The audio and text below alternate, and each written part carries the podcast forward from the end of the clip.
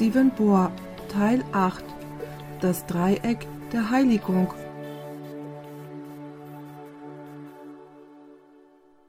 Lasst uns beten. Unser wunderbarer himmlischer Vater, wenn wir Jesus heute ins Heilige folgen, um zu entdecken, wie wir seinen wunderschönen Charakter widerspiegeln können, bitten wir um die Führung deines Heiligen Geistes. Wir bitten dich, Vater, dass du uns hilfst, damit wir verstehen, wie wir in Gnade und in der Kenntnis Jesu Christi, unserem wunderbaren Heiland, wachsen können. Wir wissen, dass du bei uns sein wirst, denn du hast versprochen, wenn wir im Glauben vor deinen Thron kommen, du unser Gebet beantworten wirst. Und so kommen wir im Namen Jesu kühn zum Thron und bitten um deine Gegenwart. Amen. Heute werden wir über das Dreieck der Heiligung sprechen, oder mit anderen Worten, die drei Arten, auf denen Gott in uns ein heiliges Leben entwickelt. Nun müssen wir verstehen, dass Jesus in diesem Moment im himmlischen Heiligtum ist, im Heiligen des himmlischen Heiligtums, und er schüttet den Nutzen des Versöhnungswerkes oder seines Werkes auf der Erde für uns aus. Ihr erinnert euch daran, dass Jesus vor allen Dingen das Leben geführt hat, das wir führen sollten, und dann starb Jesus den Tod, den wir alle sterben müssen.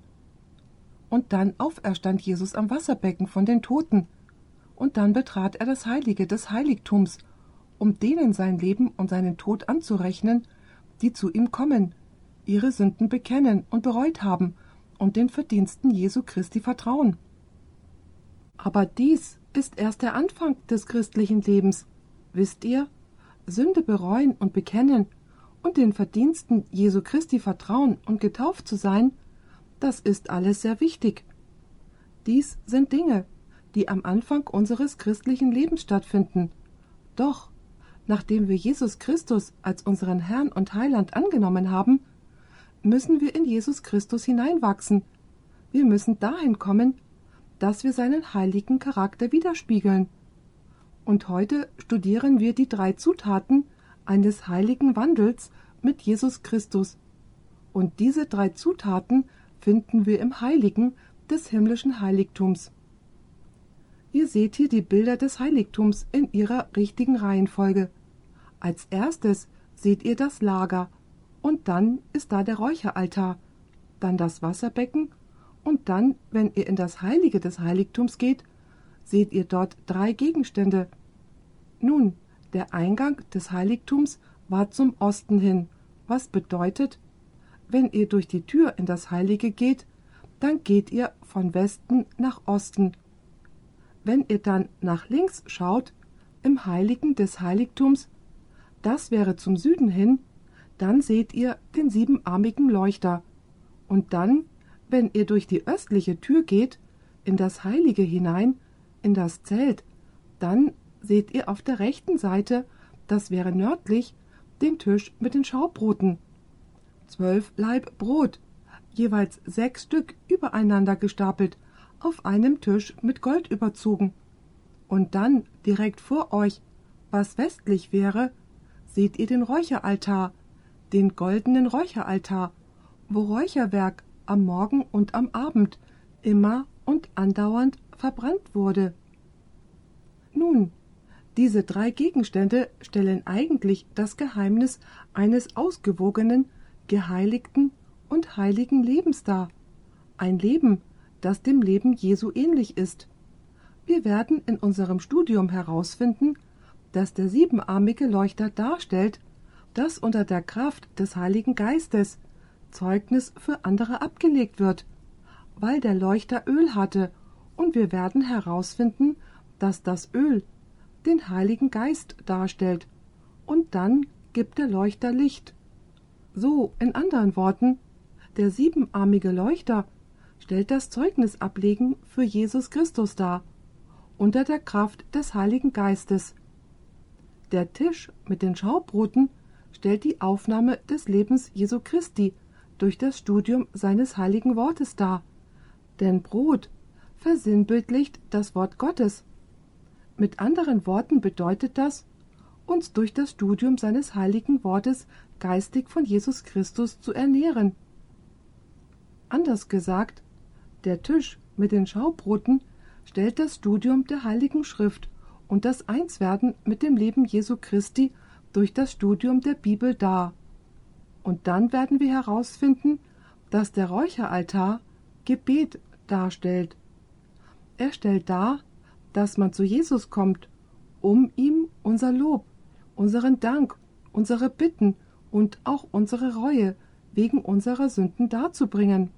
Somit stellt der Räucheraltar Gebet dar. So haben wir hier eigentlich ein Dreieck. Wisst ihr, im Bibelstudium spricht Gott zu uns und im Gebet sprechen wir zu Gott. Und wenn wir Zeugnis ablegen, dann sprechen wir mit anderen über Gott. So zeigen uns diese drei Gegenstände, wie wir mit Gott sprechen, wie Gott mit uns spricht und die Wichtigkeit des Sprechens mit anderen Menschen über unsere Erfahrungen mit Jesus Christus. Nun, zuerst einmal möchten wir den siebenarmigen Leuchter studieren, der sich auf der Südseite des Heiligen des Heiligtums befand. Ich möchte euch zuerst ein paar Dinge über den goldenen Leuchter erzählen. Er hatte sieben Arme. Die Zahl sieben stellt die Gesamtheit oder Vollständigkeit dar. Er wurde aus massivem Gold gefertigt und er wog ein Talent, was 120 Pfund oder etwa 55 Kilo gleichkommt. Nun, wenn man eine Unze oder 28 Gramm mit 1400 Dollar berechnen würde, wären das 2.688.000 Dollar oder fast 2.200.000 Euro. Nur für den goldenen Leuchter, der im Heiligen des Heiligtums war. Die Bibel erzählt uns, dass die Dochte der Leuchter jeden Tag vom hohen Priester zurückgeschnitten wurden, und der hohe Priester hat immer sichergestellt, dass diese Leuchter immer genug Öl hatten, damit sie immer brennen konnten. Mit anderen Worten, der siebenarmige Leuchter ist nie leer gebrannt. Er gab immer und andauernd sein Licht, was im Übrigen die einzige Lichtquelle für das hebräische Heiligtum war. Nun, das Öl dieser Lampen stellt den Heiligen Geist dar. Lasst uns in unseren Bibeln Sacharja 4, Vers 6 aufschlagen. Es heißt hier, nachdem es sich auf den Leuchter in den vorhergehenden Versen bezogen hat. Da antwortete er und sprach zu mir, das ist das Wort des Herrn an Zerubabel. Es lautet also, nicht durch Heer und nicht durch Kraft, sondern durch meinen Geist spricht der Herr der Herrscharen. So sehen wir, dass das Öl ein Symbol des Heiligen Geistes ist. Und natürlich stellen die sieben Arme dar, dass der Heilige Geist vollständiges oder völliges Licht gibt. Nun, was stellt dieser Leuchter wirklich dar? Wir wissen, dass das Öl den Heiligen Geist darstellt. Aber was stellt der Leuchter selber dar? Um das verstehen zu können, müssen wir zum Buch der Offenbarung gehen, und ich möchte, dass ihr beachtet, dass sieben Gemeinden erwähnt werden, die in Kleinasien sind. Offenbarung 1, Verse 10 und 11.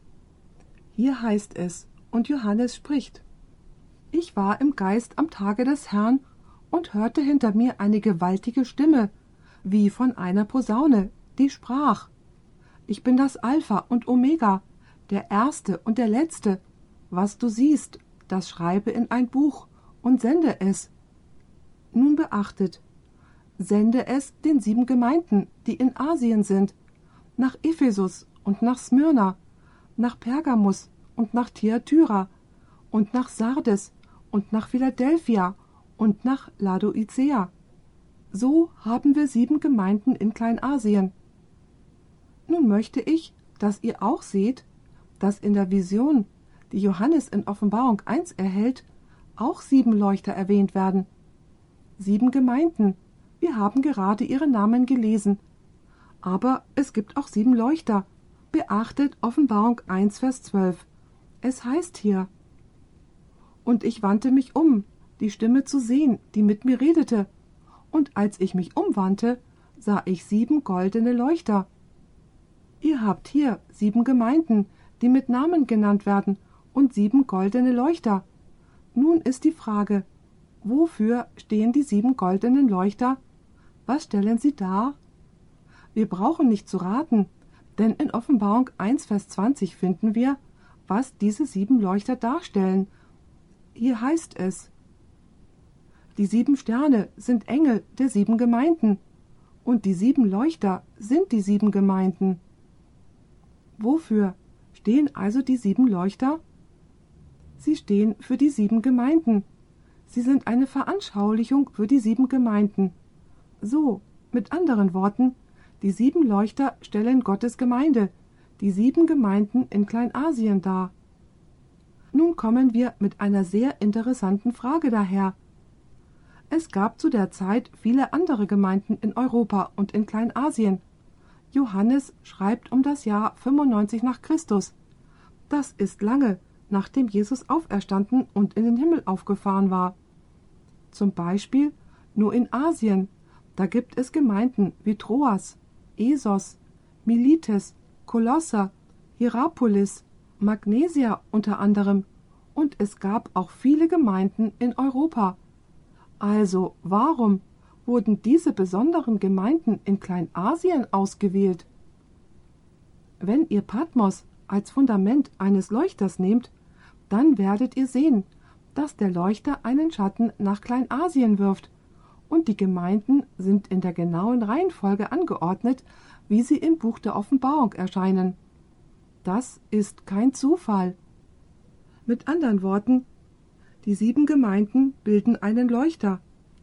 Das ist der Grund, warum diese sieben Gemeinden ganz besonders ausgewählt wurden, weil sie einen Leuchter bilden, und natürlich stellt dieser Leuchter die sieben Gemeinden dar. Natürlich verbleibt die Frage noch, warum wurden gerade diese sieben ausgewählt, über die Tatsache hinaus, dass ein Leuchter durch die Anordnung der Gemeinde gebildet wurde. Warum wurden ausgerechnet sieben gewählt. Nun möchte ich gern erst einmal eine Aussage aus dem Buch Wirken der Apostel lesen. Dies ist das Buch von Ellen White, wo sie die Apostelgeschichte in der Bibel kommentiert. Auf Seite 582 erklärt sie, warum sieben Gemeinden gewählt wurden. Warum sieben Gemeinden gewählt wurden. Hier ist, was sie sagt. Die Namen der sieben Gemeinden sind Symbole der Gemeinden in den verschiedenen Abschnitten des christlichen Zeitalters. So sind die Namen was? Sie stehen symbolisch für verschiedene Zeitabschnitte der Gemeinde im christlichen Zeitalter.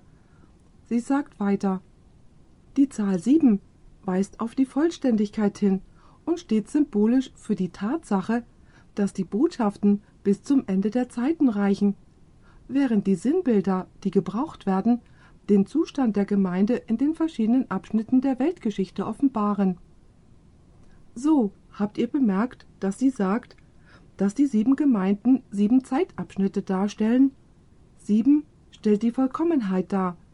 Mit anderen Worten, die sieben Gemeinden stellen die Vollkommenheit der christlichen Gemeinde dar, von der Zeit der Apostel an bis zur Endzeit. Nun möchte ich euch eine Aussage vorlesen. Normalerweise würde ich von diesem Autoren keine Aussage vorlesen, aber ich werde sie lesen, da er mit Ellen White übereinstimmt. Hall Lindsay. Ich stimme mit fast allem, was er jemals geschrieben hat, überhaupt nicht überein, aber in diesem Fall liegt er richtig. Ich wollte das lesen, denn ihr könntet sagen, das ist das, was Ellen White sagt, aber eigentlich die meisten konservativen Gelehrten glauben, dass die sieben Gemeinden sieben Zeitabschnitte darstellen. Nicht nur Adventisten, sondern auch Nicht-Adventisten. Beachtet, was er zu sagen hatte. Das steht in seinem Buch Vanished into Thin Air, Seite 276, auf Deutsch in dünne Luft aufgelöst. Er sagt, ich glaube, zusammen mit vielen Gelehrten, dass diese sieben Briefe nicht nur an sieben tatsächliche Gemeinden mit richtigen Problemen geschrieben wurden, sondern dass sie auch eine prophetische Anwendung auf die Kirchengeschichte haben.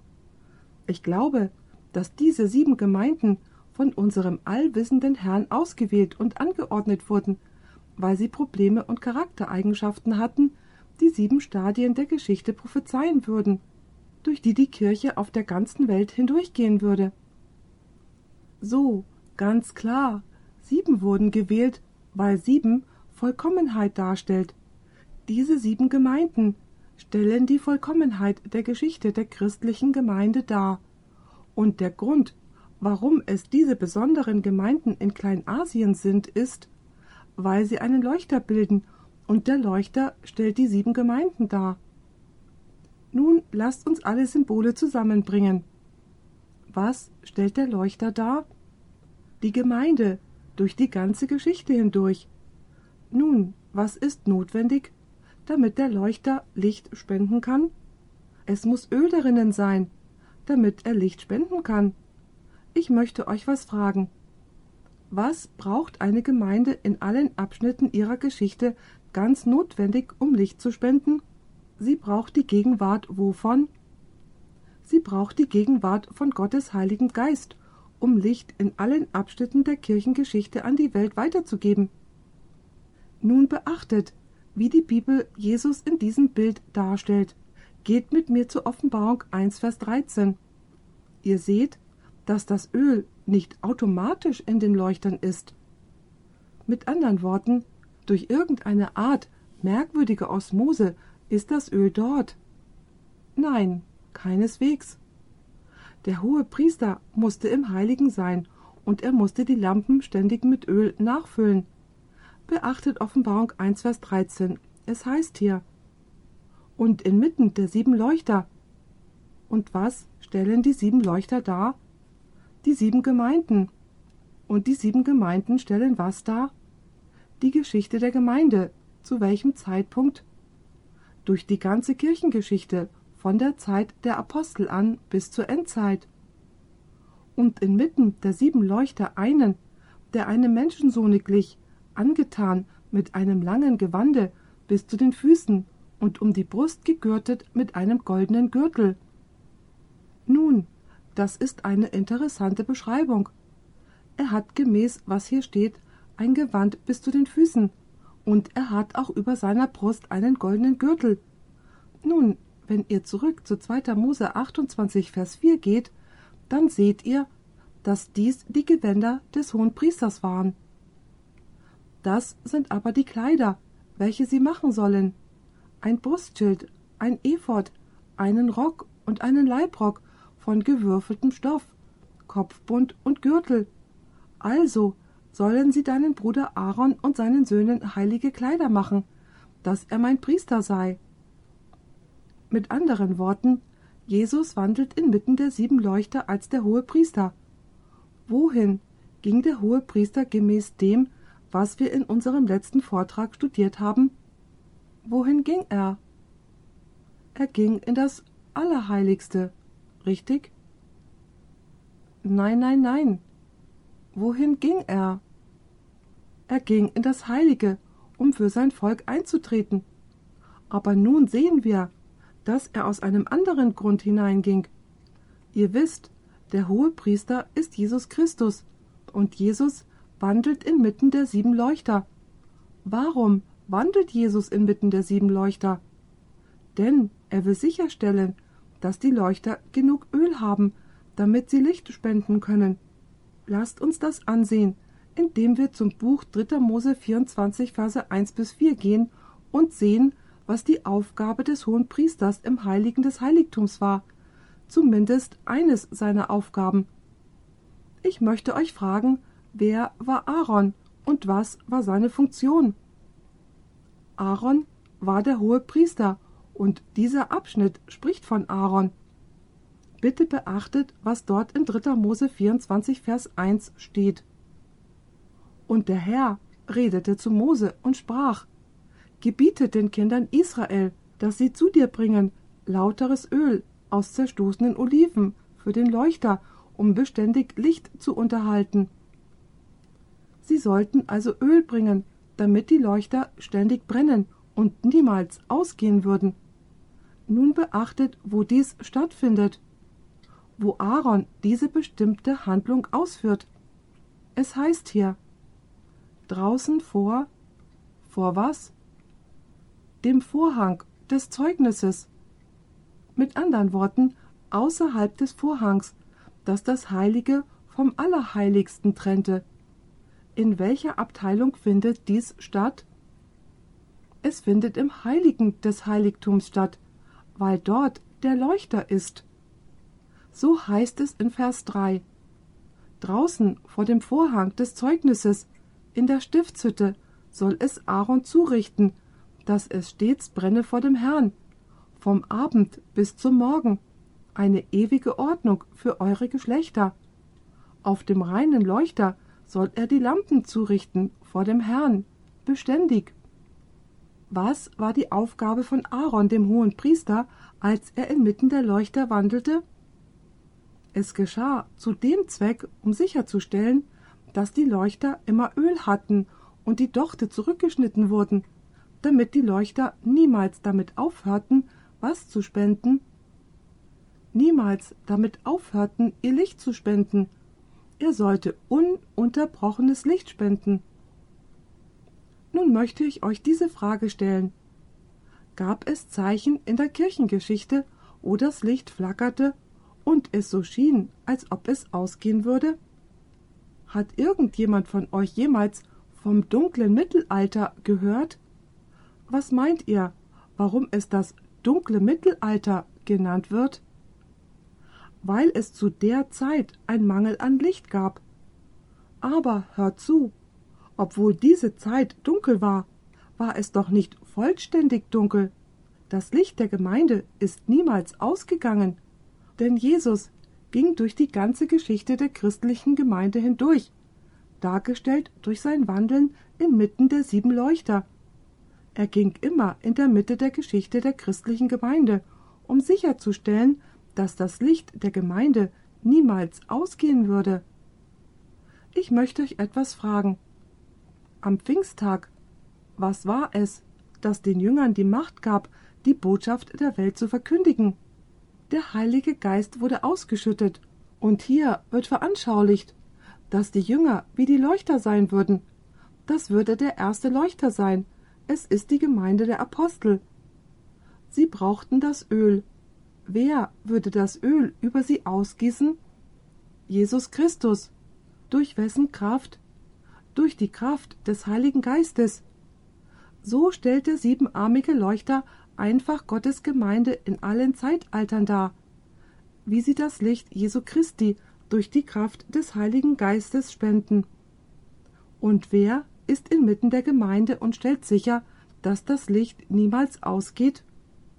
Jesus Christus, der hohe Priester, stellt das sicher im Heiligen.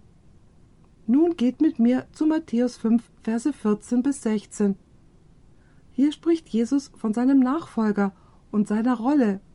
Er sagt hier, Ihr seid das Licht der Welt. Was sind wir? Das Licht der Welt.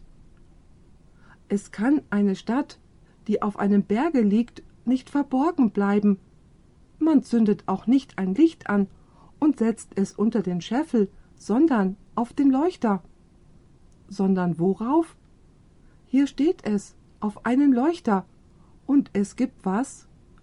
Licht. Sondern auf den Leuchter. So leuchtet es allen, die im Hause sind. Und dann erklärt Jesus, was er damit meint, dass wir Licht und wie ein Leuchter sind, der dorthin gestellt werden muss, wo jeder ihn sehen kann. Beachtet Vers 16. So soll euer Licht leuchten vor den Leuten, dass sie eure guten Werke sehen und euren Vater im Himmel preisen. Meine Lieben, jeder, der den Heiligen Geist in seinem oder ihrem Leben hat, wird der Welt Licht spenden.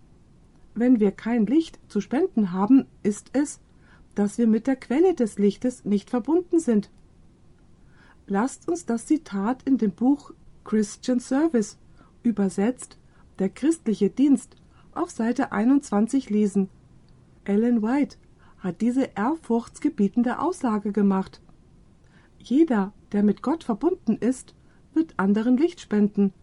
Wenn es Menschen gibt, die kein Licht zu spenden haben, ist es deswegen, weil sie keine Verbindung zur Quelle des Lichtes haben. Das ist eine ehrfurchtsgebietende Aussage. Was bedeutet, wenn wir kein Zeugnis ablegen, wenn wir anderen nichts sagen, dann haben wir das Öl nicht. Wir sind dann nicht mit der Quelle des Lichts verbunden. Und übrigens, als Jesus sagte, ihr seid das Licht der Welt, dann ist Jesus eigentlich das Licht der Welt, nicht wahr? Jesus sagte, ich bin das Licht der Welt. So, wie kann er dann zur Gemeinde sagen, ihr seid das Licht der Welt? Nun, lasst mich das veranschaulichen. Nehmen wir die Sonne. Hat die Sonne ihr eigenes Licht? Hat sie ihr eigenes ursprüngliches Licht? So ist es. Nun, in der Nacht scheint die Sonne worauf? Sie scheint den Mond an. Ist das Licht des Mondes Licht? Natürlich ist es das. Ist es aber ursprüngliches Licht oder abgeleitetes Licht? Es ist abgeleitetes Licht. So, wenn ihr abends hinausgeht und den schönen Mond seht, dann sagt ihr Oh, was für ein schöner Vollmond. Das ist nur teilweise wahr. Was ihr aber eigentlich sagen solltet, ist Oh, die Sonne ist heute Abend so schön. Denn die Herrlichkeit des Mondes ist die Herrlichkeit der Sonne. Und so ist es mit uns. Wenn wir mit dem Sohn in Verbindung stehen, dann werden wir wie der Mond sein, und wir werden das Licht Jesu Christi auf die Welt werfen. Wenn wir kein Licht spenden, dann ist es deswegen, weil wir keine Verbindung zur Quelle des Lebens haben. Ihr versteht, was der Leuchter darstellt? Er stellt die Gemeinde dar, die was tut? Sie legt Zeugnis ab durch die Kraft des Heiligen Geistes, eine Zutat eines geheiligten Lebens. Ist es das, was Jesus gemacht hat? Hat er ständig Mission betrieben? Hat er ständig anderen Licht gespendet? So ist es. Lasst uns jetzt über den Tisch mit den Schaubroten sprechen. Was stellt Brot in der Heiligen Schrift dar? Lasst uns dazu drei Verse lesen. Matthäus 4, Verse 3 und 4 erzählt uns ausdrücklich, was Brot darstellt. Und der Versucher trat zu ihm und sprach. Er spricht hier zu Jesus. Bist du Gottes Sohn, so sprich, dass diese Steine Brot werden. Er aber antwortete und sprach Es steht geschrieben Der Mensch lebt nicht vom Brot allein, sondern von einem jeden Wort, das durch den Mund Gottes ausgeht. So, was stellt das Brot dar? Es stellt Gottes Wort dar. Beachtet Jesaja 55, Vers 2, ein weiterer Text, der von der Bedeutung des Brotes spricht. Hier sagt Gott: Warum weget ihr Geld dar für das, was kein Brot ist, und ein Arbeitslohn für das, was nicht sättigt? Und dann erklärt er es. Höret doch auf mich. Wie hören wir aufmerksam auf Gott? Durch was? Durch sein Wort. Höret doch auf mich und esset Gutes. Das bedeutet, Gott, also seinem Wort aufmerksam zuzuhören, bedeutet demgemäß hier Essen. Und dann heißt es weiter. Und eure Seele ergötze sich am Fett. Eine bessere Übersetzung wäre, und eure Seele labe sich am inneren Überfluss. Beachtet auch im gleichen Kapitel Jesaja 55, Verse 10 und 11. Es heißt hier: Denn gleich wie der Regen und der Schnee vom Himmel fällt und nicht wieder dahin zurückkehrt, er habe denn die Erde getränkt und befruchtet und zum Grünen gebracht, dass sie dem Seemann Samen und dem Hungrigen Brot gibt. Also soll das Wort, das aus meinem Munde geht, auch sein. Beachtet, dass hier Brot mit was verglichen wird? Mit dem Wort Gottes. Es soll nicht leer zu mir zurückkehren, sondern ausrichten, was mir gefällt, und durchführen, wozu ich es sende. So stellt das Schaubrot Gottes Wort dar. Nun lasst uns einen Abschnitt lesen, der das Schaubrot beschreibt. Kommt mit mir zu 3. Mose 24, Verse 6 bis 8. Hier spricht es von diesem Brot. Es heißt hier, Du sollst sie in zwei Schichten von je sechs Stück auf den reinen Tisch legen. Mit anderen Worten, wie viele Brote sind auf dem Tisch mit den Schaubroten? Dort waren zwölf. Gibt es genügend Brot für das ganze Volk Gottes? Zwölf ist das Symbol für Gottes Volk. Das haben wir im letzten Vortrag studiert, nicht wahr? So, gibt es genügend Brot für jeden? So ist es, für ganz Israel. Es heißt also, du sollst sie in zwei Schichten von je sechs Stück auf den reinen Tisch legen vor den Herrn. Du sollst auf jede Schicht. Und nun beachtet Folgendes. Du sollst auf jede Schicht reinen Weihrauch legen, damit dieser die Brote in Erinnerung bringe, wenn er verbrannt wird vor dem Herrn. Und nun beachtet, wann das frische Brot hingelegt wurde. Es heißt in Vers 8. Jeden Sabbat soll er sie stets vor dem Herrn aufschichten als Gabe von den Kindern Israel, laut ewigem Bund. Lasst uns nun ein paar Einzelheiten von diesem Abschnitt beachten genauso wie einige andere Einzelheiten in weiteren Abschnitten aus der Heiligen Schrift. Zuerst einmal das Brot war jeden Tag da, richtig? Es wurde am Sabbat ausgetauscht, aber es war jeden Tag da. Und wann wurde das Brot auf den Tisch gelegt? Das frische Brot wurde am Sabbat hingelegt. Ich möchte euch etwas fragen. Wann bekommt ihr euer frisches Brot? Ihr bekommt es jetzt gerade am Sabbat. Das ist der Grund, warum das Brot an Gottes heiligem Sabbat ausgetauscht wurde. Beachtet auch, dass Weihrauch oben auf das Brot gelegt wurde. Weihrauch stellt das Beten für die Verdienste Jesu Christi dar. Wir kommen noch dazu, wenn wir über den Altar sprechen. Sollten wir jemals ohne Gebet an Gottes Wort teilnehmen? Nein, Ganz gewiss nicht. Das sollten wir nicht tun. Das Gebet, der Weihrauch, ist oben auf dem Brot. Es ist mit dem Brot verbunden. Auch heißt es, und es steht in 3. Mose 2, Vers 5, dass dieses Brot ungesäuert sein soll. Ist aber dein Speisopfer in der Pfanne bereitet, so soll es von ungesäuertem Semmelmehl sein, mit Öl gemengt. Was stellt der Sauerteig dar? Es stellt die Sünde dar. Ich möchte euch etwas fragen. Ist die Bibel frei von Sünde? Das ist sie ganz gewiss. Sie ist frei von Sünde. Tadelt die Bibel die Sünde? Tadelt die Bibel die Dunkelheit? Das tut sie ganz gewiss, denn sie ist heilig. Sie ist nicht von der Sünde befleckt. Sie sagt die Wahrheit, und so sollte das Brot ungesäuert sein. Weiterhin erzählt uns die Bibel, dass dieses Brot gesalzen sein musste. 3. Mose 2, Vers 13 sagt, dass das Schaubrot gesalzen sein musste. Hier heißt es, Dagegen sollst du alle deine Speisopfergaben mit Salz würzen und sollst das Bundessalz deines Gottes nicht fehlen lassen an deinem Speiseopfer, sondern zu allen deinen Opfergaben sollst du Salz darbringen. Ihr wisst, Salz erfüllt mehrere Funktionen. Zum ersten, es würzt. Ich möchte euch etwas fragen.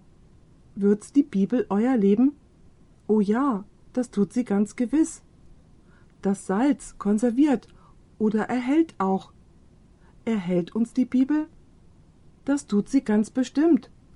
Und das Salz reinigt auch, nicht wahr? reinigt uns die Bibel? Das tut sie ganz sicherlich. Und somit stellt der Tisch mit den Schaubroten Gottes heiliges Wort dar. Unbeschmutzt durch menschliche Ausrichtungen oder Neigungen menschlicher Sünde. Es ist salzig, weil es unserem Leben Geschmack gibt. Es reinigt unser Leben. Es würzt unser Leben. Jeden Sabbat soll es frisch gegeben werden. Deswegen gehen wir am Sabbat zur Gemeinde. Leider ist es so, dass manche Menschen anderes Essen bevorzugen. Ihr erinnert euch an Johannes 6. Und die Bibel erzählt uns dort, dass viele Menschen Jesus wegen den Wundern, die er vollbracht hat, gefolgt sind. In der Tat, wenn ihr Johannes 6 lest, dann werdet ihr herausfinden, dass die Leute Jesus aus drei hauptsächlichen Gründen gefolgt sind. Erstens, weil sie seine Wunder liebten. Zweitens sind sie ihm gefolgt, weil sie ein kostenloses Mittagessen bekommen haben. Mit anderen Worten, für das Brot und die Fische. Und drittens hatten sie die Hoffnung, dass Jesus sein weltliches Königreich hier aufrichten würde. Anders gesagt, sie hatten politisch hohe Ziele. Sie hatten materielle hohe Ziele und sie liebten die sensationalen und beliebten Wunder. Lasst uns nun Johannes 6, Verse 1 und 2 lesen. Es heißt hier: Danach fuhr Jesus über das Galiläische Meer bei Tiberias. Und jetzt beachtet dies. Und es folgte ihm viel Volks nach. Warum? Weil sie die Zeichen sahen, die er an den Kranken tat. Ist das der richtige Grund, um Jesus zu folgen? Ah, wisst ihr, Menschen gehen in Kirchen, wo es allerlei Zeichen und Wunder gibt, und herumhüpfen und Zungen reden und alles Mögliche. Aber wenn es dann dazu kommt, Gottes Wort zu predigen, dann ist das eine ganz andere Geschichte. Das werden wir gleich mal sehen. Nun lasst uns Vers 14 lesen. Sie waren von den Wundern Jesu beeindruckt. Als nun die Leute das Zeichen sahen, welches Jesus getan hatte, denn er hatte fünftausend Menschen mit fünf Laib Brot und zwei Fischen gespeist, sagten sie was? Das ist wahrhaftig der Prophet, der in die Welt kommen soll. Seht ihr, sie sagten, dies ist der Prophet, denn er vollbringt Zeichen und Wunder. Er speiste fünftausend Menschen mit fünf Broten und zwei Fischen. Dieser Mann würde einen großartigen König ergeben. Aber dann fing Jesus an zu predigen. Beachtet, dass er in Johannes 6, Verse 53 bis 56 ein paar bahnbrechende Worte sagte. Darum sprach Jesus zu ihnen: Wahrlich, wahrlich, ich sage euch, wenn ihr nicht das Fleisch des Menschensohnes esset und sein Blut trinket, so habet ihr kein Leben in euch. Wer mein Fleisch isst und mein Blut trinkt, der hat ewiges Leben, und ich werde ihn auferwecken am letzten Tage. Denn mein Fleisch ist wahrhaftige Speise, und mein Blut ist wahrhaftiger Trank. Wer mein Fleisch isst und mein Blut trinkt, der bleibt in mir und ich in ihm. Und als die Leute dies hörten, sagten sie Dieser Mann lehrt uns Kannibalismus. Wie kann jemand sein Fleisch essen und sein Blut trinken? Und Jesus machte sehr deutlich, was er meinte. Beachtet Johannes 6, Vers 63. Was er sagte war, wir essen sein Fleisch und trinken sein Blut durch das Studium seines heiligen Wortes. Mit anderen Worten, es geht nicht darum, Jesus körperlich zu essen, wie es von der römisch-katholischen Kirche gelehrt wird, dass man in der Messe tatsächlich das buchstäbliche Fleisch isst und das Blut Jesu trinkt, obwohl es wie Brot und Wein aussieht. Es ist immer noch das Fleisch und Blut Jesu. Das ist nicht das, was Jesus sagt. Beachtet, was wir in Johannes 6, Vers 63 finden. Jesus erklärte, was er meinte und was er nicht meinte. Er sagt hier, der Geist ist es, der lebendig macht. Das Fleisch nützt gar nichts. Mit anderen Worten, der Geist gibt Leben. Mein Fleisch zu essen nütze gar nichts. Und dann erklärt er, die Worte, die ich zu euch geredet habe, sind Geist und sind Leben. So, was bedeutet es also, das Fleisch Jesu zu essen und das Blut zu trinken? Es bedeutet, was zuzuhören? Seinen Worten zuzuhören. Die Worte, die ich zu euch geredet habe, sind Geist und sind Leben.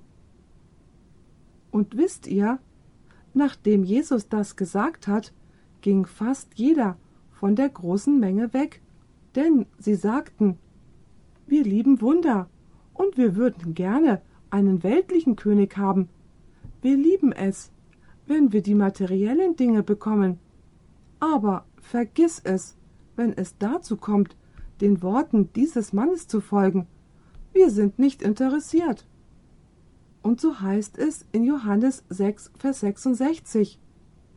Das ist Zufall, aber ihr könnt euch immer an diesen Vers erinnern. Es heißt also in Johannes 6, Vers 66.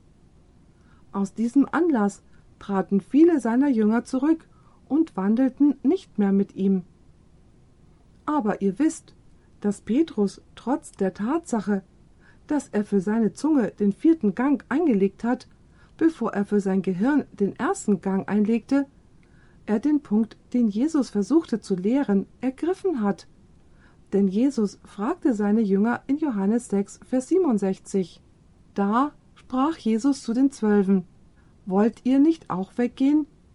Da antwortete ihm Simon Petrus, Herr, zu wem sollen wir gehen? Du hast Worte des ewigen Lebens. Hat Petrus verstanden, was es bedeutete, das Fleisch Jesu zu essen und das Blut zu trinken? Ja, er sagte, Du hast Worte des ewigen Lebens.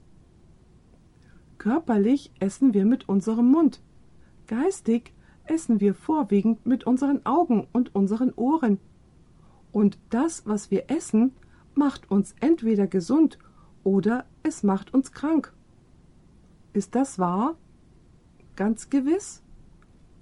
Die Frage ist, ernähren wir uns von geistig wertlosem Essen Fernsehen, Romane, weltliche Musik, alles das, was uns ganz und gar Jesus Christus unähnlich macht. Geistig werden wir zu dem, was wir essen, genauso wie wir körperlich das werden, was wir essen.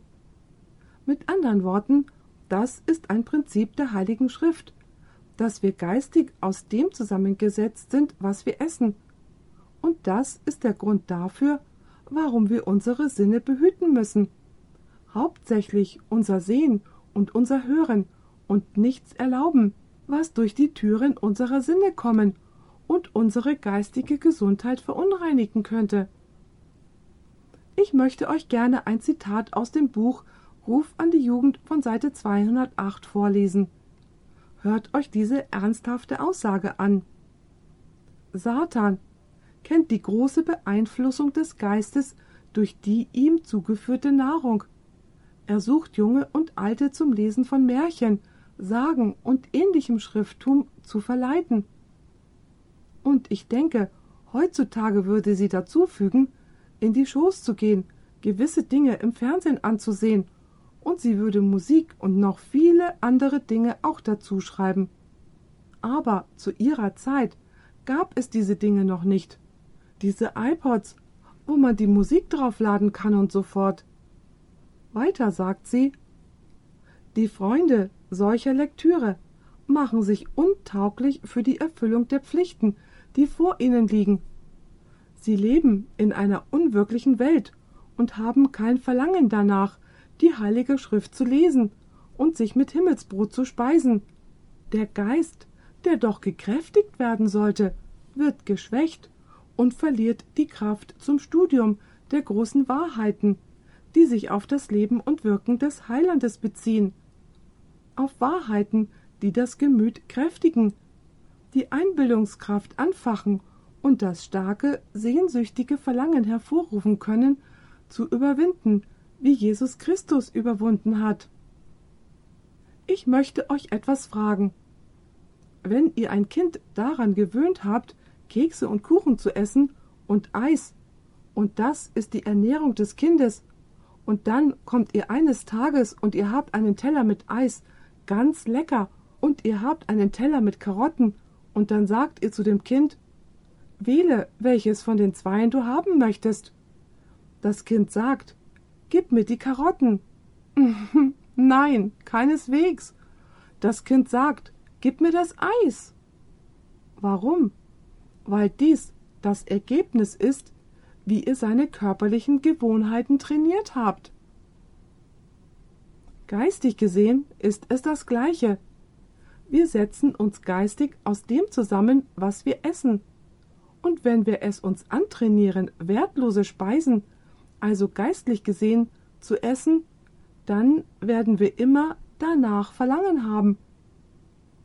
Was Gott möchte, dass wir tun sollen, ist, Jesus Christus betrachten, wie er in seinem Wort zu finden ist, so dass wir geistliche Nahrung erhalten können und Jesus ein Teil von uns wird, indem wir sein heiliges Wort studieren. Wisst ihr, wenn wir Jesus in seinem Wort betrachten, findet eine geistliche Metamorphose statt. Geht mit mir zu 2. Korinther 3, Vers 18. Hier finden wir den Apostel Paulus, wie er uns eines der geheimen Zutaten für ein geheiligtes und heiliges Leben gibt. Die erste Zutat ist natürlich, dass wir den Heiligen Geist empfangen, damit wir das Licht Jesu und seine Botschaft an die Welt weitergeben können. Das zweite ist der Tisch mit den Schaubroten. Nun beachtet 2. Korinther 3, Vers 18. Wir alle aber spiegeln mit unverhülltem Angesicht die Herrlichkeit des Herrn wider. Was geschieht, wenn wir die Herrlichkeit des Herrn schauen? Es heißt hier, und werden umgewandelt in dasselbe Bild, von Herrlichkeit zu Herrlichkeit, nämlich von des Herrn Geist. Was geschieht, wenn wir immer Jesus anschauen? Wir werden was? Wir werden umgewandelt. Wenn ihr nicht glaubt, dass das, was ihr anseht, euch verwandelt, so gebe ich euch ein Beispiel. Als ich in Südamerika unterrichtet habe, haben sie an einem Samstagabend beschlossen, diesen Film zu zeigen. Ich weiß nicht, warum sie das an unserer Schule gemacht haben. Es war ein Bruce Lee-Film. Und ihr wisst, Bruce Lee-Filme sind Chi, Ha, Hu und herumtreten und so weiter. Nachdem der Film vorbei war, hättet auch ihr gedacht, dass ihr in einer Karateschule sein würdet. Denn alle Kinder gingen nach draußen und machten Chia, Ha, Hu! Ich möchte euch etwas fragen. Wo haben Sie gelernt, das zu tun? Sie haben es davon gelernt, was Sie gesehen und gehört haben. Das ist nur ein kleines Beispiel, aber es geschieht jeden Tag. Wir werden in das verwandelt, was wir betrachten. Und übrigens, das Wort, das hier gebraucht wird, und wir werden umgewandelt, ist das Wort Metamorphosis. Wisst ihr, was eine Metamorphose ist? Nun, als ich Kind war, habe ich Schmetterlinge gesammelt. Irgendwann erzähle ich euch mal die ganze Geschichte. Mit der Zeit wurde ich ein ganz fähiger und fachgerechter Schmetterlingssammler, in dem, wie ich sie klassifizierte und war vorsichtig, wie ich sie sezierte und so weiter. Jetzt kann ich sie nicht mehr töten, Sie sind viel schöner, wenn sie in der Luft herumfliegen, so wie Gott sie gemacht hat. Aber ich konnte zuschauen, was passierte, wenn die Raupe sich an einen Baum oder an eine Wand festmachte und sich dann innen drin im Kokon vergraben hat. Innen drin im Kokon findet ein Umwandlungsvorgang statt, eines der wundersamsten Dinge in der Natur, Metamorphose genannt. Und nach ein paar Tagen fängt der Kokon an, wild zu zittern, und dann bricht er plötzlich auf, und siehe und staune, aus dem Kokon kommt was heraus? Ein Schmetterling. Beachtet, dass sich sogar der Name geändert hat. Vorher war es eine Raupe, nun ist es ein Schmetterling. Die Raupe kriecht auf dem Boden, und man kann leicht drauftreten, aber der Schmetterling fliegt. Das ist das, was Jesus meinte. Diejenigen, die in Christus sind, sind eine neue Schöpfung. Das Alte ist vergangen, und alles ist neu gemacht worden. Aber wir müssen die neue geistliche Natur ernähren. Beachtet, was das Leben Jesu auf Seite 390 zu sagen hat. Wie unser Körper durch Nahrung am Leben erhalten wird, so unser geistliches Leben durch Gottes Wort. Jedes Menschenherz soll aus dem Wort Gottes für sich selbst Leben empfangen. Wie wir um unser Selbstwillen essen müssen, um ernährt zu werden, so müssen wir uns auch Gottes Wort aus freiem Antrieb zu eigen machen. Wir sollen es nicht bloß durch die Vermittlung anderer Menschen empfangen. So wie ihr es jetzt zum Beispiel in diesem Vortrag empfangt, sondern sorgfältig die Bibel erforschen und Gott um die Hilfe des Heiligen Geistes anflehen, damit wir sein Wort auch verstehen. Wir sollten uns einen Vers vornehmen und uns ernsthaft bemühen, den Gedanken zu erfassen, den Gott für uns dort hinterlegt hat. Bei diesem Gedanken sollten wir so lange verweilen, bis wir ihn ganz in uns aufgenommen haben und wir wissen, was der Herr sagt. Dies ist, als Jesus in Matthäus 6, Vers 11 gesagt hat, Gib uns diese Woche unser täglich Brot. Nein, so steht es nicht hier, sondern Gib uns heute unser täglich Brot. Ich möchte euch etwas fragen. Esst ihr nur einmal in der Woche? Ich bezweifle es. Ich sehe zumindest niemand hier, der nur einmal in der Woche etwas isst. Ich kann eure robusten Gesichter sehen, wir sind alle gut genährt. Was würde passieren, wenn ihr nur einmal in der Woche was essen würdet? Ihr würdet irgendwann mal krank werden und sterben. Und trotzdem ist für viele Menschen ihre einzige Nahrung die Predigt am Sabbatmorgen. Vielleicht übertreibe ich, aber es ist wahr. Was geschieht geistlich, wenn man von dem Schaubrot nur am Sabbatmorgen etwas isst dann verkümmert unser geistliches Leben und stirbt. Lasst uns nun über den dritten Gegenstand reden. Lernen wir irgendetwas von dem, was wir im Heiligen haben? Es ist das Dreieck der Heiligung. Nun lasst uns den Räucheraltar, den goldenen Räucheraltar betrachten. Dieser Gegenstand stand genau vor dem Vorhang, der das Heilige vom Allerheiligsten trennte. Seine Ausrichtung, obwohl er im Heiligen stand, war in Richtung des Allerheiligsten. In der Tat, wenn ihr ein paar Schriftverse lest, zum Beispiel 2. Mose 30, Vers 6, wird uns da gesagt, dass dieser Altar direkt vor dem Vorhang stand, der das Heilige vom Allerheiligsten trennte. Und was geschah, war folgendes. Wenn das Räucherwerk zusammen mit dem Feuer auf diesen Altar gelegt wurde, dann würde der Rauch den Vorhang hinaufsteigen und über den Vorhang in das Allerheiligste hineingehen, in die Gegenwart Gottes, wo die Bundeslade stand. Beachtet 2. Mose 30, Vers 6. Und du sollst ihn setzen vor den Vorhang, der vor der Lade des Zeugnisses hängt, und vor den Sühnedeckel, auf dem das Zeugnis ist, da ich mit dir zusammenkommen will. Habt ihr die Ausrichtung bemerkt? Es heißt der Vorhang, der in das Allerheiligste führt, der Vorhang, hinter dem sich der Gnadenstuhl befindet, und ich werde dich dort treffen.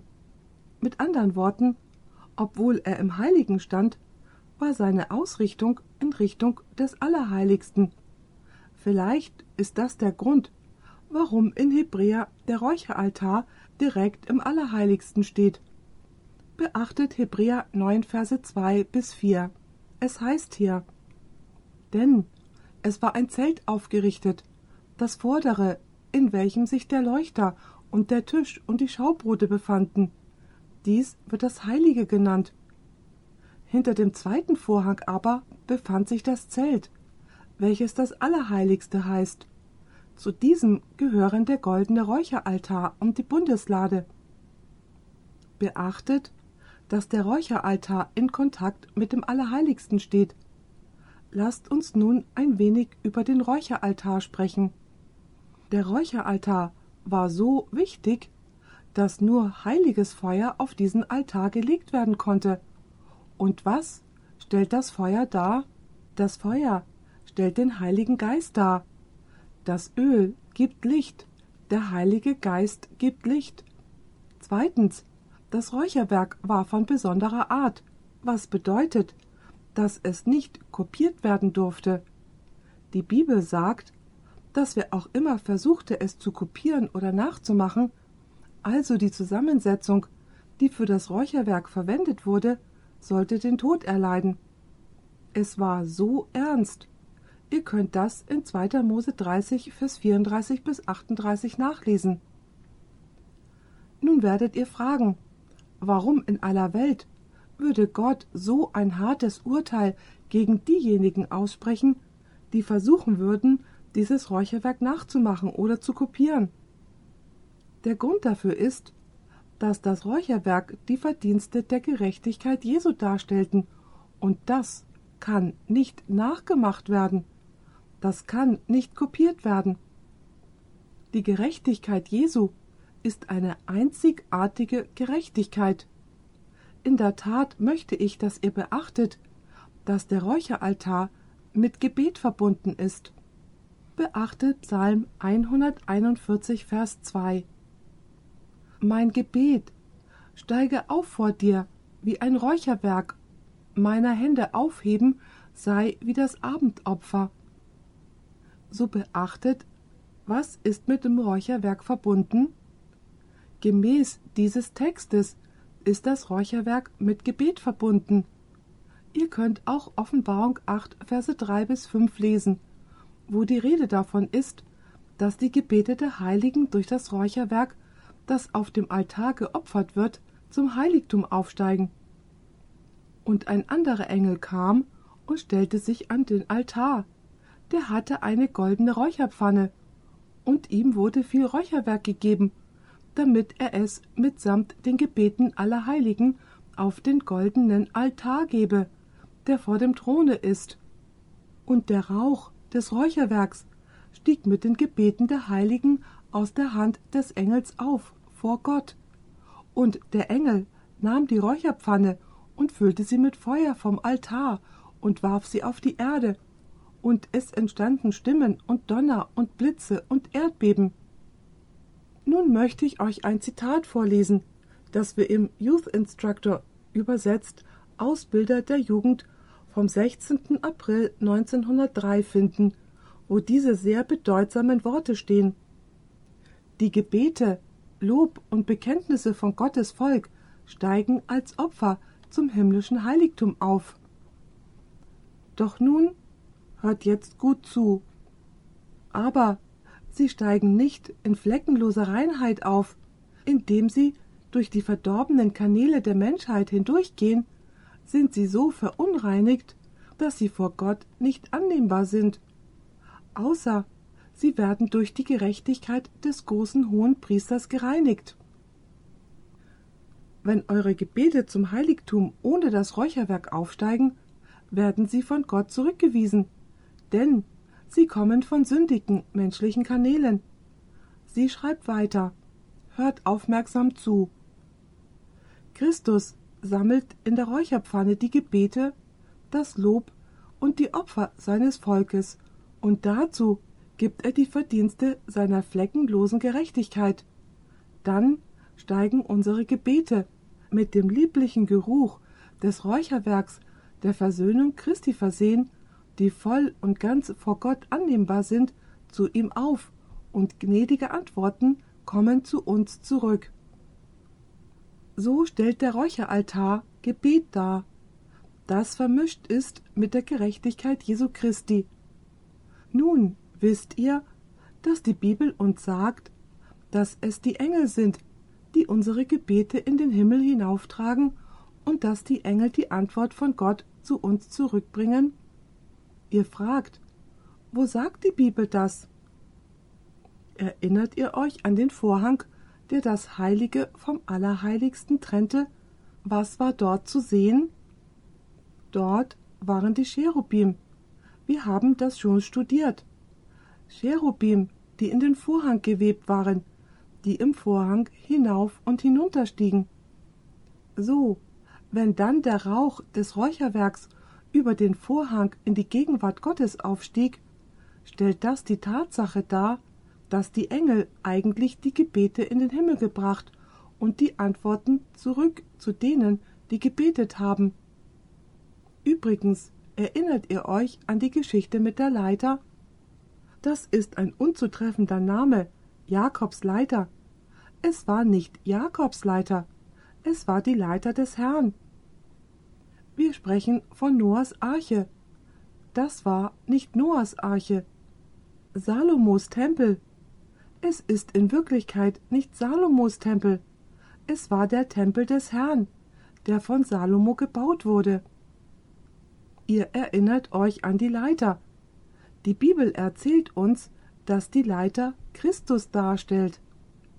Die Spitze der Leiter stellt seine Göttlichkeit oder seine Gottheit dar, und der Fuß der Leiter stellt seine Menschheit dar. Aber wer ging die Leiter hinauf und hinunter? Engel stiegen auf dem Sohn Gottes hinauf und hinab. Mit anderen Worten, der Heilige Geist arbeitet durch den Dienst der Engel.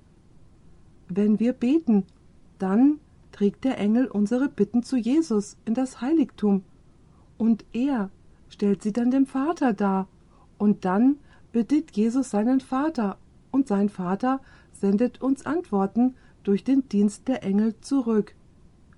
Mit anderen Worten, die Engel sind sehr, sehr wichtig im Ablauf der Erlösung.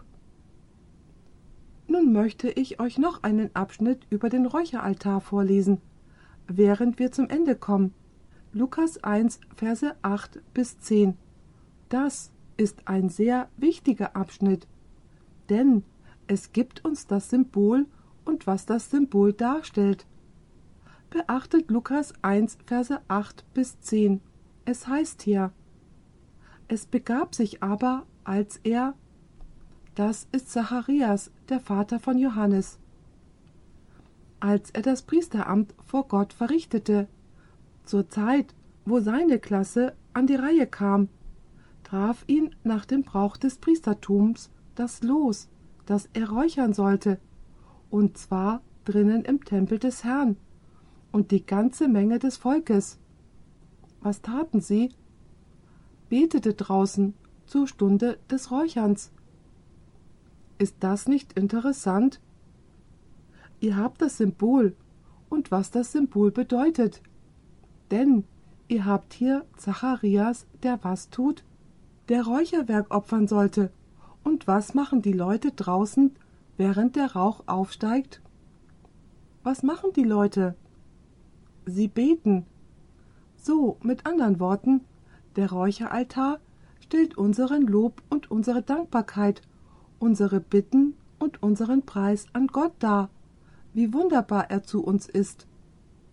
Im Buch Der Weg zu Christus finden wir auf Seite 67 diese sehr bedeutsame Aussage. Im Gebet öffnen wir uns Gott wie einem Freund. Einige Leute fragen, wie soll ich beten? Nun, ich möchte euch etwas fragen. Wie redet ihr mit euren Freunden? So sollten wir beten. Im Gebet öffnen wir uns Gott wie einem Freund, nicht als wäre es notwendig, ihm zu sagen, was wir sind und wessen wir bedürfen, sondern um ihn in unsere Herzen aufzunehmen. Das Gebet bringt Gott nicht zu uns, vielmehr uns zu ihm. Wir alle kennen diesen kurzen Vers in 1. Thessalonicher 5, Vers 17, wo der Apostel Paulus sagt: Betet ohne Unterlass. So lautet meine Frage nun: Was ist das Geheimnis von einem heiligen, ausgewogenen, geistlichen Leben. Es ist, dass man im Heiligen zusammen mit Jesus ist. Erstens, um das Öl seines Geistes zu empfangen, um das Licht an die Welt weiterzugeben. Zweitens, Jesus Christus als unser Leben durch das Studium seines heiligen Wortes anzunehmen.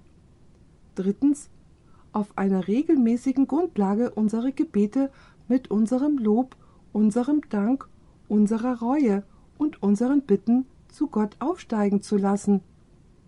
Und wenn wir diese drei Zutaten in vollkommener Ausgewogenheit haben, dass nicht eines über das andere vorherrscht, dann haben wir ein ausgewogenes geistliches Leben und wir sind im Heiligen mit Jesus Christus, unserem Heiland und Herr.